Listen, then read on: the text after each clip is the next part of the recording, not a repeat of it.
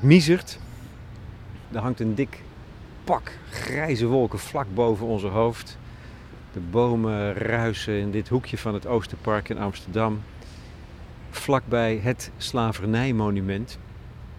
Waar nog wat kransen om de slavenbeelden gehangen zijn en wat verdadderde boeketten. Volkomen verregend. Op 1 juli onlangs was eh, de herdenking hier bij dit monument. Een geëigende plek om erover te praten met Marcel van Engelen. Die een fascinerend boek schreef, Het Kasteel van Elmina. Over het Nederlandse aandeel in de transatlantische slavenhandel. En dat vond allemaal plaats ver weg, ja, onder een hete zon. Maar er was ook wel een soort nachtmerrie. Marcel, kijkend naar het monument, wat betekent dat voor jou eigenlijk? Het monument zelf, ja, dat moet ik al in eerste instantie toch denken aan de kunstenaar Erwin de Vries. Die ik ooit heb ontmoet in Suriname. Bij toeval zat ik op het terrasje daar en toen schoof hij aan. En Erwin de Vries is iemand die, uh, zichzelf, uh, die heel goed is uh, in het zichzelf naar voren schuiven. dus ik moet altijd even aan hem denken. Een hele grappige en hele, hele leuke man. Dus daar, daar, daar denk ik eigenlijk als okay, eerste aan. Dan schuiven we hem weer een beetje terug op zijn stoeltje. Ja. Ik denk ook heel erg aan dit, dat dit monument een katalysator is geweest uh, uh, van de aandacht uh, in Nederland die er voor deze geschiedenis is. volgens sommigen is dat nog steeds te weinig. maar ik denk eigenlijk dat er behoorlijk veel aandacht voor is inmiddels. En daar heeft dit monument voor een belangrijk deel aan bijgedragen. Ja. dat is de betekenis. En voor jou? Heeft het een emotionele betekenis? Jawel, ja, ik voel me wel echt uh, verbonden met die geschiedenis. Maar als je daar. Ik heb vier jaar aan het boek gewerkt. En dan op een gegeven moment wordt, wordt, je, wordt je afstand tot die geschiedenis wordt groter, denk ik. Of dan wordt het wat zakelijker, dan wordt het wat nuchterder, omdat je steeds dieper daarin duikt. En dan, dan raken de, de, de emoties op de achtergrond. Maar ik begon wel een beetje vanuit uh, uh, verbolgenheid, zou je kunnen zeggen. Ja, wat, voor, wat voor verbolgenheid? Waar richten die zich specifiek op? Ja, die richten zich. Kijk, ik, ik ben uh, jarenlang uh, heb ik veel in de Belmer rondgelopen en ik heb ook wat Surinaamse vrienden gemaakt. Ik heb uh, drie jaar lang een relatie gehad met een, een Surinaamse vrouw. Dus ik, ik, ik, ik, dat werd onderdeel van, van, van, van, van mijn privéleven ook, die geschiedenis en wat dat betekende. En maar, daar... ook, maar ook een ander perspectief, denk ik met name. Ik denk dat je, daar, dat, je dat ook heel erg hebt meegemaakt ja, je realiseert je dan vooral wat het betekent en hoe, hoe, hoe, hoe, sterk die geschiedenis doorwerkt of hoe belangrijk die is voor je identiteit. En uh, uh, ja, en dat is ook, zeg maar, voordat ik, aan de, uh, voordat ik hierin geïnteresseerd raakte, was ik ook echt onwetend. En dan is het ook wel bijzonder om dat allemaal te, te, ervaren en, en te stellen aan te weten te komen wat het nou echt heeft betekend. En hoe groot die geschiedenis is geweest onwetendheid is een belangrijk woord, denk ik. Is het echte monument voor jou inmiddels dat kasteel, dat fort aan die uh, westkust van Afrika, wat we tegenwoordig Ghana noemen, de Goudkust? Is het echte monument dat kasteel van Elmina, dat uh, door de Nederlanders nou ja, in bezit is geweest? Ja. Dat is denk ik echt dat is een belangrijk symbool, of misschien wel het ultieme symbool van de transatlantische slavenhandel. En je zou dit monument veel eer uh, kunnen bestempelen als, het, uh, als een monument voor de, voor de slavernij. Ik probeer die twee elementen een beetje okay. uit elkaar uh, te halen de handel, en daarmee bedoel ik de handel, uh, de verscheping van de Afrikaanse slaven naar de nieuwe wereld. En wat er daar in die nieuwe wereld heeft plaatsgevonden, dat is de slavernijgeschiedenis. Okay. En ik heb mij in mijn boek vooral geprobeerd uh, te richten op dat eerste deel. Al zijn die twee natuurlijk uh, onlosmakelijk met elkaar verbonden. Maar ik denk dat het in Nederland meestal gaat over wat er in de nieuwe wereld is gebeurd. In Suriname in ons geval en op de Antillen, omdat het de nakomelingen van de slaven in Nederland Surinamers en Antillianen zijn, vooral. En, maar waar zij het meestal niet over hebben, is wat daaraan vooraf is gegaan. Namelijk uh, hoe dat ooit is begonnen en hoe de handel in Afrika heeft kunnen plaatsvinden, hoe het heeft kunnen beginnen en hoe het zo lang heeft kunnen doorgaan. En dat heb ik uh, geprobeerd te beschrijven in mijn boek.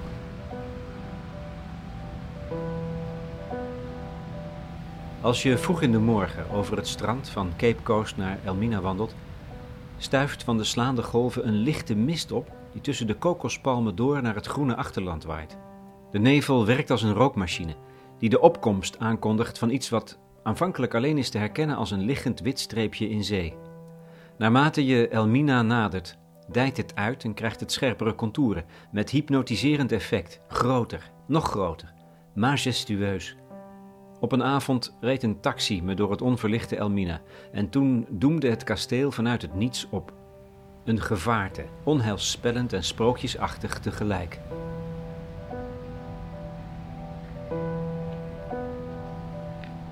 Dat was indrukwekkend, die eerste keer dat jij daar was. Ja, Wat gebeurde, wat enorm, gebeurde daar? Enorm. Ja, dat is. Ik, ik kom nog wel mensen tegen die daar ook zijn geweest. En iedereen is daar enorm van onder de indruk. Het is echt een heel eh, indrukwekkend gebouw. Eh, Gewoon al eh, de, de, de- hoe, hoe het eruit ziet. Het, heeft, eh, het, is wit eh, geverfd. Maar door, door de regen en door de, door de zeelucht eh, is, is, is het verf er vaker van afgebladderd. Dan krijgt het een heel, heel tragische, woeste, romantische uiterlijk van. En als je daar wordt rondgeleid, en vaak gebeurt dat in, in, in, in, in, een groep. En die groep kun je niet, samen staan, kun je niet zelf samenstellen. Dus je komt in een groep van, nou ja, van eh, Afro-Amerikanen, misschien Brazilianen of eh, zwarte Britten of eh, eh, van alles door elkaar. En daar, dan wordt je verteld wat er allemaal eh, eh, heeft plaatsgevonden. Hoe de Afrikanen daar ook in de kerkers eh, verbleven. En echt als dieren, echt als vee werden opgehokt en gevoederd. En dan gaat in de loop van die rondleiding gaat dat echt ook een rol spelen waar jij vandaan komt en welke kleur je hebt. En daar probeer je je tegen te verzetten, althans daar probeerde ik me tegen te verzetten. Van, Hoe dan? Nou je, je denkt van ja, ik, ik, het, ze hebben het dan over de Dutch en wat de Dutch daar hebben gedaan. En dan denk je van ja, dat is waar en dat is, ja, daar kan ik me ook voor schamen. Maar dat heb ik niet zelf gedaan, dus je hoeft mij daar niet op aan te kijken. Maar het gaat toch, een, je voelt die spanning oplopen en er worden wat blikken uitgewisseld. En er worden vragen gesteld die van alles insinueren. Wat voor Ja. vragen? Wat voor Nou, ja, ehm, ik weet het niet meer letterlijk, maar ik weet nog wel dat, dat ik met de eerste keer dat ik daar was, dat, ik, dat een Jamaicaanse vrouw eh, ook in de, in de groep aanwezig was. En eh, afloop eh, schreef iedereen iets in het gastenboek. En ik weet wel dat zij schreef: Europeans owe us reparations. En eh, van een andere zwarte Amerikaanse vrouw heb ik begrepen dat zij in staat was, of zo heeft ze dat omschreven in, in haar verslag. Ik was in staat om iedere blanke te wurgen toen ik uit het kasteel van Elmina was gekomen. Nou, jou dus. Ja, zou je kunnen zeggen. Ja. Jij, jij Ja. stond daarachter. Ja. Of daarnaast. Nou ja, dat is dus, dus je bent dan niet alleen onder de indruk van, van wat daar gebeurd is, maar ook wat voor emoties dat gebouw Ja. oproept. Ja. En ehm, het is, Dus het is nog te proeven, te ruiken, te zien. Ook al is het soms twee, drie eeuwen terug. Ja, nou de proeven te ruiken te zien, letterlijk te ruiken. eh, je- er hangt een hele penetrante geur in die, eh, in die kerkers. Waar ook de slaven eh, werden opgeslagen. En volgens de gidsen ruik je eh, het bloed, het zweet, eh, de urine, de menstruatie van de slaven die daar ooit waren opgeslagen. Ik vraag me af of dat zo is. Maar ehm, en verder gewoon de, de, de, de, de, de verhalen die de, die de gidsen daar vertellen. En daar, dat brengt die geschiedenis wel tot leven. Terwijl het uitzicht, ja, er staat op jouw boek, het kasteel van Elmina, staat natuurlijk een foto ervan. Het uitzicht is ook weer mooi. Het is ook een soort paradijselijk strand. Ja. Dus dat contrast, dat is ook al moeilijk te verwerken. Ja. Het is sowieso heel bijzonder. Die, eh, het kasteel, je hebt het kasteel van Elmina daar, dat is het oudste en het grootste Nederlandse fort. Maar er staan ook een aantal andere forten en enkele ruïnes. Totaal een stuk of eh, twaalf die er nog overeind staan. En dat zijn echt eh, een soort middeleeuwse forten en kastelen, maar dan midden in de tropen aan zee. In een vaak prachtige omgeving. Ja. En dat is wel, eh, ja, dat is vreemd. Het het is echt alsof je een filmdecor eh, be- betreedt waarbij eh, alles nog overeind staat. eh, alsof er net een film is opgenomen. Alsof er ook iets niet klopt. Ja, ja, ja. Het, is, het- ja. het zijn middeleeuwse Europese forten in de tropen. Ja. De stilte was afschuwelijk. Niemand van hen riep, gilde of schreeuwde. Er klonk geen geweeklaag, ze waren stom, dood voor gevoelens of protest. Dit waren de legioenen, verkocht door hun zusters, gestolen door hun broers, opgekocht door vreemden, tot slaaf gemaakt door hebzuchtigen en verraden door de geschiedenis. De Portugezen gebruikten aan de kust van Angola, waar veel slaven nog voor het inschreven stierven, de term banzo. Daar hadden velen last van. Het was een soort terminale lethargie, een delirium. Het verliezen van je ziel. Het opgeven van de wil om te leven na een optelsom van gevangenschap, verdriet, angst, ziekte, uitputting en ondervoeding.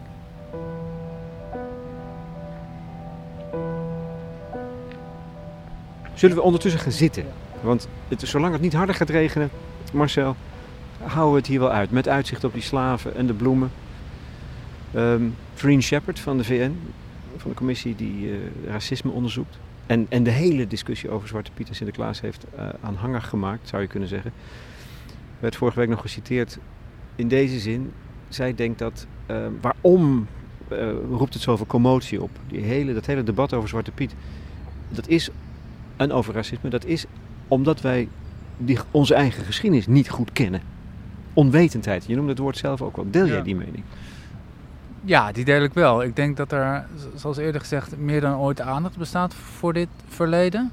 Maar ik denk dat het een soort uh, aandacht is die een beetje apart of, of gescheiden beleefd wordt. Ik denk niet dat het slavernijverleden onderdeel is van ons collectieve bewustzijn. En ik, ik denk dat heel veel Nederlanders oprecht vinden dat het allemaal niks met elkaar te maken heeft, Zwarte Piet en de slavernijgeschiedenis. Maar als je die geschiedenis kent, is het onmogelijk om naar Zwarte Piet te kijken en niet aan die geschiedenis te denken. Dus uh, ik denk zeker dat onwetendheid een belangrijke rol speelt, ja. Ik heb eigenlijk drie, drie belangrijke vragen. Of drie hoofdvragen zou je kunnen zeggen. Eén ehm, gaat over wie was nou eigenlijk de baas van de slavenhandel.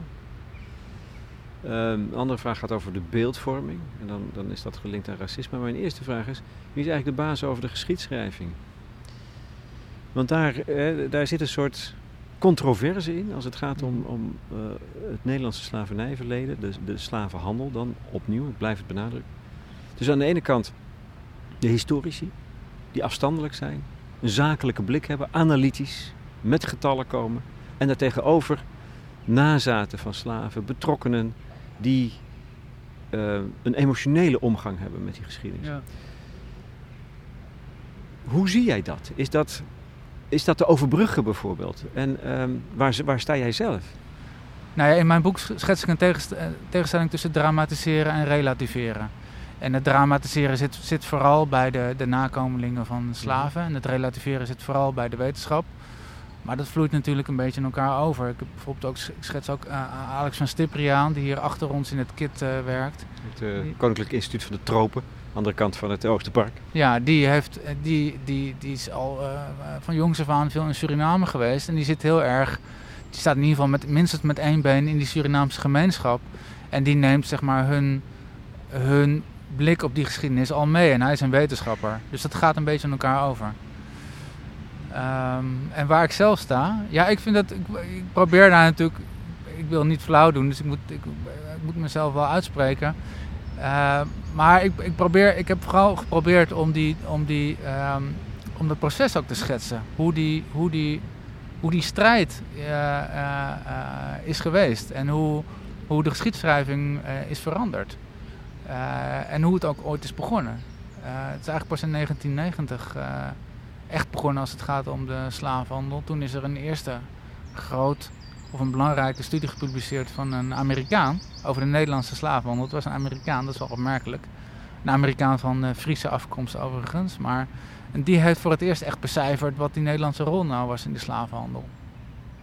Uh, ik denk dat, uh, dat het, het, dramatiseren echt nodig is geweest. Zo heb ik dat ook beschreven in mijn boek. Dat het echt nodig is geweest om dit onderwerp op de agenda te zetten. Maar nu het er eenmaal erop staat, is het wel nodig om, om ook met enige afstand en nuchterheid naar de geschiedenis te kijken. En echt te kijken wat er is er nou echt gebeurd. Dat heb ik ook getracht te doen. Wie heeft gelijk? Laat ik het dan maar zo vragen. Wie heeft gelijk? ik, en, en, en, welke, welke twee eh, groepen zet je nu tegenover elkaar? De zakelijke, uh, relativerende uh, historici tegenover de emotionele, dramatiserende betrokkenen en nazaten. Nou ja, wie heeft gelijk? Ik bedoel, dat ligt er een beetje aan wat ze claimen, wat ze zeggen. Uh, maar dat, dat mensen die dramatiseren soms dingen over het hoofd zien of andere dingen onder het tapijt vegen of overdrijven, dat is duidelijk. En dat, maar dat sommige historici niet begrijpen of niet willen begrijpen dat deze geschiedenis ook een emotionele kant heeft. Ja, dat, dat, dat, dat, ja. dat, dat stuit mij ook tegen de borst. Ik bedoel, de, de geschiedenis is niet, uh, is niet waardevrij, is ook niet emotievrij. Maar dat is eigenlijk het wonderlijke. Waarom die twee, waarom die controverse er überhaupt zou moeten zijn, vind je niet? Want ja. het, het, het, het zou toch idealiter samen moeten vloeien? die twee hand in hand gaan, dan krijg je een, echt een goed beeld van wat er echt, van wat er echt gebeurd is, denk ik. Ja. Nou, ik denk ook dat ze dat over en weer reacties uh, heeft uh, opgeroepen. Ik denk dat bijvoorbeeld Piet Emmer, die in mijn boek ook een rol speelt, dat is een, een historicus uit, uit Leiden, die, die zeg maar het sterkst de relativerende kant vertegenwoordigt. Dat zijn neiging om te relativeren ook een beetje een reactie is op de neiging tot dramatiseren van de nakomelingen van slaven. En hij heeft vaak uh, ook het gelijk aan zijn zijde, moet ik zeggen. Uh, want hij is wel iemand die zich als geen ander in deze geschiedenis heeft verdiept. Terwijl je wat je vaak ook ziet bij, de, bij mensen die, voor wie deze geschiedenis een sterke emotionele lading heeft, dat ze niet willen zien of, of zich weigeren zich echt te verdiepen in die geschiedenis.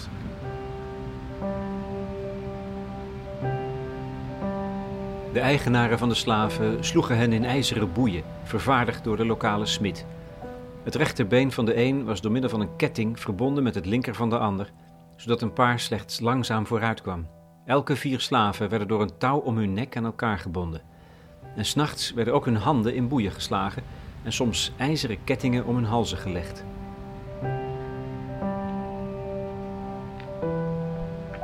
Wat is er eigenlijk echt gebeurd? Kan je daar, een, als je een, beeld van de omvang zou moeten schetsen? Nou, als, het, als we het hebben over de, de, het aantal uh, mensen dat is vervoerd in schepen van Afrika naar de nieuwe wereld, dan gaat het, de beste schatting is 12,5 miljoen.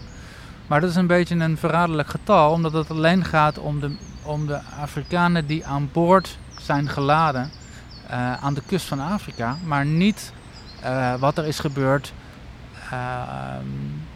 toen zij eenmaal aankwamen in de nieuwe wereld en uh, generatie op generatie in slavernij uh, hebben geleefd. Uh, en, en het gaat dan ook niet om wat er op het Afrikaanse continent is gebeurd en de slavenhandel die daar heeft plaatsgevonden en hoeveel slachtoffers daarbij zijn gevallen. Ik bedoel, als je dat allemaal bij elkaar gaat optellen, dan gaat het natuurlijk om honderden miljoenen mensen. En het Nederlands aandeel? Het Nederlands aandeel, als je kijkt naar de. wordt, wordt geschat op 5%. En het gaat dan om de de schepen die onder Nederlandse vlag voeren. Uh, maar waar het dan niet om gaat, waar mijn boek heel erg uh, over gaat, is hoe de handel plaatsvond op de West-Afrikaanse kust. Er waren ook Nederlandse handelaren die verkochten aan Engelse schepen of Franse schepen of Portugese schepen. En die voeren dus onder Portugese of Engelse of Franse vlag. En uh, dus het aandeel, als je kijkt naar de handel op de West-Afrikaanse kust, is, is dat aandeel misschien wel groter dan die 5%. Terwijl ik las dat je, als het gaat om Elmine, dat ene fort hè, in, in handen van Nederlanders, nadat ze het op de Portugezen hadden veroverd, voordat ze het aan de Engelsen verkochten, dat daar door dat fort heen, met al die herinneringen, um, een getal van 100.000 slaven zijn gepasseerd. Ja, in dat fort zelf is de schatting. Uh, dat fort was dus een belangrijke bewaarplaats uh, voor slaven. Maar wat uh, dat fort ook was, was uh, het was een regiecentrum voor de slavenhandel die elders plaatsvond. Dus ook, er waren forten die 10 kilometer verderop lagen. Er waren handelsposten die 100 kilometer of 200 kilometer verderop lagen. En de handel die daar plaatsvond werd ook vanuit Elmina aangestuurd. Dus Elmina heeft een grotere betekenis dan alleen die van bewaarplaats zelf. Oké, dan hebben we een beetje een beeld misschien wel de meest fascinerende kant van jouw boek is um, gelegen in het antwoord op de vraag van wie de, de handel was. Want je zou misschien geneigd zijn om te denken van nou, dat waren wij blanke West-Europeanen die daar de hele boel hebben op touw gezet en hebben uitgevoerd. En het schokkende, denk ik, of in ieder geval het confronterende van uh, jouw boek Het Kasteel van Elmina, is dat, dat dat echt gevoelig anders ligt. Namelijk dat het een samenwerking was met Afrikaanse handelaren. Zo, ja. Zo, ja, als ik dat, is dat de kern? Ja, aan de kust was het een samenwerking, maar tot aan de kust was het volledig in Afrikaanse handen. Ja. Was je daar zelf ook verbaasd over? Om ja. dat te ontdekken? Ja, ik wist natuurlijk wel dat. Bedoel, dat wordt ook al wel vaker gezegd. De Afrikanen speelden zelf ook een rol. Dat wist ik ook al wel. Maar hoe groot die rol was en uh, hoe machteloos in zekere zin de Europeanen waren, uh, dat heeft me wel verbaasd. Dus lastig is dat die Hollanders die er zaten, als we het daartoe beperken, aan de kust, binnenland niet inkwamen, die hadden geen idee wat er in dat achterland gebeurde. Nee, dat was wel fascinerend. Hè? Er is in 1701 is er wel een Nederlander Uh, zo ver gekomen als Kumasi. En Kumasi ligt 200 kilometer van de kust. Dat is de hoofdstad van de Ashanti. Het machtigste volk in het binnenland. Het was in 1701, maar die man heeft het niet uh, overleefd. En pas weer in 1816 kwam daar voor het eerst een Nederlander en een Brit ook aan. Maar pas in 1900 ongeveer kregen uh, toen de Britten kregen het binnenland een beetje onder controle. Maar tot die tijd uh, zaten ze echt alleen uh, aan de kust en kwamen ze het binnenland niet of nauwelijks in.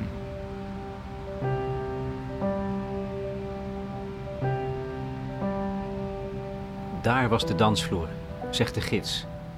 Hij wijst naar het veld aan de voet van de rotsen. De slaven die in kolonnes vanuit het noorden naar de kust werden gedreven, overnachten in dit slavenkamp om op krachten te komen opdat ze er beter uitzagen als ze op de markten in het zuiden aankwamen. Op dit veld werden ze aangespoord te dansen.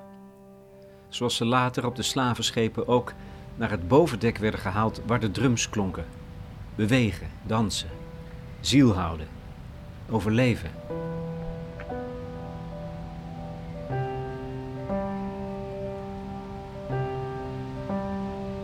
Ja, slavernij is altijd, een, uh, of altijd zolang we, voor zover we kunnen nagaan, heeft dat in Afrika bestaan. En voordat de Europese schepen daar uh, aanmeerden, was dat er al op grote schaal, slavernij en slavenhandel.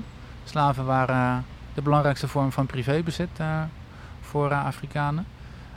Um, en toen de Portugezen, zij waren de eerste die daar aanmeerden, daar kwamen, werden ze eigenlijk als vanzelf werden hen slaven aangeboden. Uh, en uh, ik ga nu even heel kort de bocht, maar zo is het gegaan, ja. En toen de, toen de Europeanen daarmee stopten met de slavenhandel, onder leiding van de Britten, die hebben het in 1807 afgeschaft. En in de decennia daarna hebben ze ervoor gezorgd dat, dat het eigenlijk volledig is gestopt. toen is het ook nog, nog lang doorgegaan, zou je kunnen zeggen. In, in 1900 waren in het binnenland van de goudkust van Ghana waren er nog grote slavenmarkten waar, waarbij tienduizenden slaven werden verhandeld. Terwijl, de, terwijl er geen schepen meer, uh, uh, Europees, geen Europese schepen meer vertrokken. En die, slaven, en die, die, die, slavenhandel was alleen voor het inheemse gebruik. Slaven werden al eeuwen gebruikt als een soort betaalmiddel ook, als een ruilmiddel. Ja, ja, wat, eh, de, wat, wat voor mij wel een belangrijk inzicht was, is het verschil tussen de, uh, hoe wij in Europa, als wij in Europa oorlog voerden, dan voerden wij de oorlog om het grond. Als je de tegenstander versloeg, dan nam je het land in. En Afrika was een land, altijd een collectief bezit. En dat was het land van de voorouders en van en de, en, eh, zelfs de koning die, die bezat het land niet. Ehm, maar als Afrikanen eh, eh, een oorlog voerden, dan namen zij wel de mensen. Dat was, het, dat was gebruikelijk. Dat was de, de, de winst die zij haalden uit een oorlog. En die mensen die werden meestal tot slaaf gemaakt. Als ze niet om het leven werden gebracht. Dat was niet de enige manier waarop, uh, uh, waarop slavernij ontstond. Waren ook, door, door, een schuld kon je ook in slavernij vervallen of door een straf. Um, maar oorlogen, dat, waren, dat was de belangrijkste bron van, ja. van slavernij. En, en die oorlogsbuit, als ik dat zo mag noemen, die, want het ging om mensen, die zijn vooral naar de kust gebracht en verscheept door Europeanen. Ja, in eerste instantie ja, dat, dat, is, dat is het belangrijkste aandeel. Uh, uh, oorlog. Maar zoals gezegd uh, kon, dat ook, ja. kon iemand ook door schuld in slavernij vervallen. Later, toen ehm, vanaf 1800 zeg maar, toen de vraag, of vanaf 1700 moet ik zeggen, toen de vraag naar Afrikaanse slaven door de Europeanen groter werd, werd het ook werd het ook steeds meer een jacht op slaven. Dus van oorlog veranderde dat in een, eh, in een, in een slavenjacht. En dat liep een beetje door elkaar heen. Dus mensen, uh, of de verschillende groepen Afrikanen voerden uh, oorlog met elkaar. En in het begin was dat misschien een oorlog uit, uit, uit wraak of een, of, of, een oorlog om, om zelf slaven je eigen te maken. En later werd het steeds meer, was zo'n commercieel motief, namelijk de, de, de, de, de, de slaven van een andere of de mensen van een andere groep nemen om die te kunnen verkopen aan Europeanen. Precies.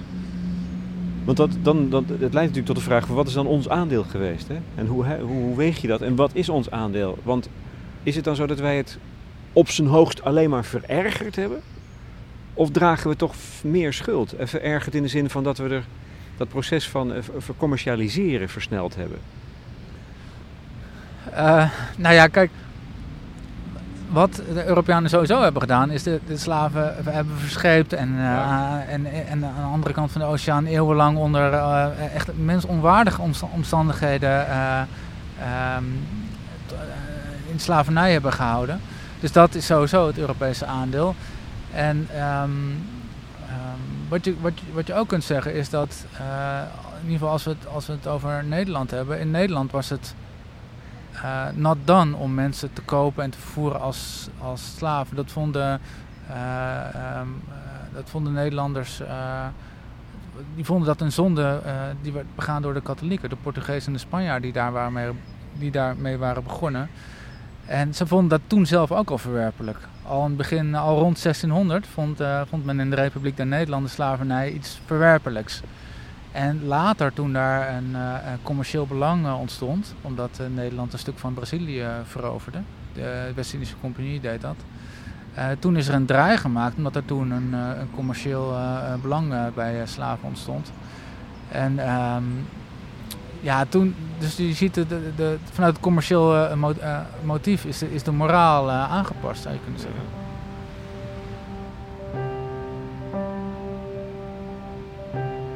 Toen ze die ochtend bij een beekje uitrusten, werd de karavaan aangevallen door een zwerm bijen. Neali was daarna onvindbaar. Ze bleek op haar laatste krachten het water ingerend en was over haar hele lichaam gestoken. Ze wilde niet meer verder lopen, ze wilde liever sterven. Ze kreeg er met de zweep van langs en zou toch weer gaan lopen, enkele uren, tot ze probeerde te vluchten. Ze was zo zwak dat ze neerviel in het gras. De zweep bracht haar niet meer in beweging.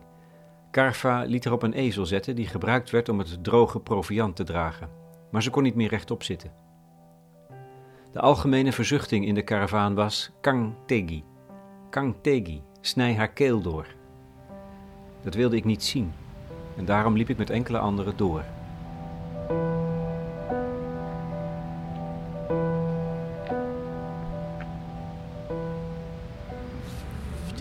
Je zegt dat ergens met zoveel woorden. Er was geen racisme in Nederland. Voordat het begon. Ja. Maar um, dat is er dan wel vrij snel binnengeslopen. En eigenlijk is de belangrijkste vraag: in hoeverre heb jij zicht kunnen krijgen op hoe dat doorwerkt tot op de dag van vandaag? De hele manier van omgang met uh, zwarte Afrikanen toen, door ze te, te behandelen als, als, als, beesten, en zeker niet als mensen, dat heeft impact gehad op de manier waarop we erover denken, de beeldvorming, de ideologie. Ja. Ja, en hoeverre het doorwerkt, ik bedoel, dat is echt psychologie en dat is heel lastig te duiden. Maar als, als we het hebben over de nakomelingen van slaven zelf, ik denk dat het onmogelijk is uh, um, om uh, als cultuur of als groep mensen drie eeuwen lang in slavernij te hebben geleefd.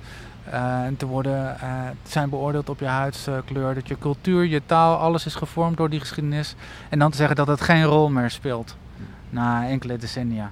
En er wordt ook wel gezegd dat slavernij echt lang geleden is afgeschaft in 1863 in het Nederlandse Koninkrijk. Maar uh, ja, tot ver in de 20e eeuw uh, waren, zwaar, uh, waren, zwarte mensen echt nog minder waardig, ook in, in, Suriname. En bijvoorbeeld in de Verenigde Staten tot ver in de jaren 60 mochten zwarte en blanken niet met elkaar trouwen. Dus die, die, die geschiedenis is veel recenter dan, dan de afschaffing zelf. Dus dat dat, dat, dat doorwerkt is duidelijk. En, maar, maar hebben we er ook een blinde vlek voor? Ik heb met iemand als Zinieus Diel gesproken, columnist scherp, scherpe tong, scherpe pen in ieder geval. Die zegt van ja, wij, er zit gewoon racisme in ons denken, in ons DNA. En dat, um, dat willen we eh, liever niet zien en niet weten. En het zou ook sterker nog wel eens uh, um, kunnen verklaren waarom we zo reageren op het hele debat over Zwarte Piet. Um, en dat zou ook alles te maken kunnen hebben met het feit dat we, dat we daar toen die slavenhandel hebben gedreven, onder andere, voor, voor een deel dan. Ja. ja, ik denk dat in ieder geval oh, dat, dat de meeste Nederlanders, of misschien wij zelf ook, ons niet kunnen voorstellen wat die geschiedenis betekent voor uh, de nakomelingen van slaven. En hoe gevoelig die uh, ligt en hoe belangrijk die is voor hun, voor hun identiteit. Dat, dat, dat, dat denk ik zeker, ja. Um, we mochten het niet doen, van huis uit. Want het waren de, de katholieken, de Portugezen die het wel deden en dat vonden we fout. Maar zodra we zagen dat we er winst mee konden boeken, ah, werd de moraal aan de kant geschoven. Ja, nee, dat is waar. Ja, maar ik denk dat dat. Je kunt wel zeggen dat het is heel, dat is heel Nederlands of heel Hollands. Maar ik denk dat, het, dat ja, dat is waar. Maar dat geldt voor de Afrikanen aan die kant ook. De Ashanti bijvoorbeeld, de belangrijkste uh, uh, handelspartner van de Nederlanders in de slaafhandel. Dus het, het, machtigste volk toe in de 18e eeuw uh, in het achterland van de Goudkust. Die wilde ook helemaal niet stoppen met de slavenhandel. Die wilde graag doorgaan. Die begreep ook helemaal niet waarom, waarom de Britten in dit geval zo graag wilden stoppen opeens. Die zeiden van waarom is het nu opeens fout terwijl het Terwijl het eerst goed was. En het gaat toch prima zo. En we worden er toch allebei beter van. Ik bedoel, die, daar uh, speelde winstbejag ook een uh, rol. Dat is nu helemaal zo. En winstbejag speelt nog steeds een belangrijke rol in onze samenleving. Dus dat is niet, uh, dat is niet alleen van, van, van toen. Dat is ook van nu. Er is een bekend verhaal over de Neptunus. Of bekend verhaal. Er is een verhaal over de Neptunus aan het eind van de 18e eeuw. Die voor de kust van Elmina, of vlakbij Elmina... waar een aantal slaven ook... Um, de bemanning overmeesteren. Uh, en uh, proberen weg te varen. Of in ieder geval ook een aantal van hen die springen overboord. En die zwemmen dan weer naar de kust. Maar het tragische aan dit verhaal was dat zij vervolgens in de handen vielen van de kustbevolking daar. En die, die, ja, die, die, die, die, die nam hen op. En zij verkochten die slaven weer aan de Nederlanders. Ja. Ja. Nog weer een beetje extra winst boeken. Ja, nou daaruit blijkt wel dat het dus wat vaak wordt geschetst, het hele idee van het waren de evil white men die naar Afrika kwamen en uh, de slaven kidnapten van het Afrikaanse continent. Wat, wat ik zelfs nog een, uh, de bijzondere hoogleraar slavernijgeschiedenis, Steven Small, uh, onlangs hoorde zeggen. Dat is, dat, is, dat is echt een vals beeld. Het waren echt de Afrikanen die andere Afrikanen uh, verkochten aan de Europeanen. En het waren niet hun broeders en hun zusters. Dat is echt een, een westers, westers, perspectief. Om alle Afrikanen als broeders en zusters te zien. Dat waren gewoon verschillende groepen die met elkaar vochten. En met allemaal uh, hun eigen belangen. Mm. En die, als zij persoonlijk ook winst konden maken, dan deden ze dat.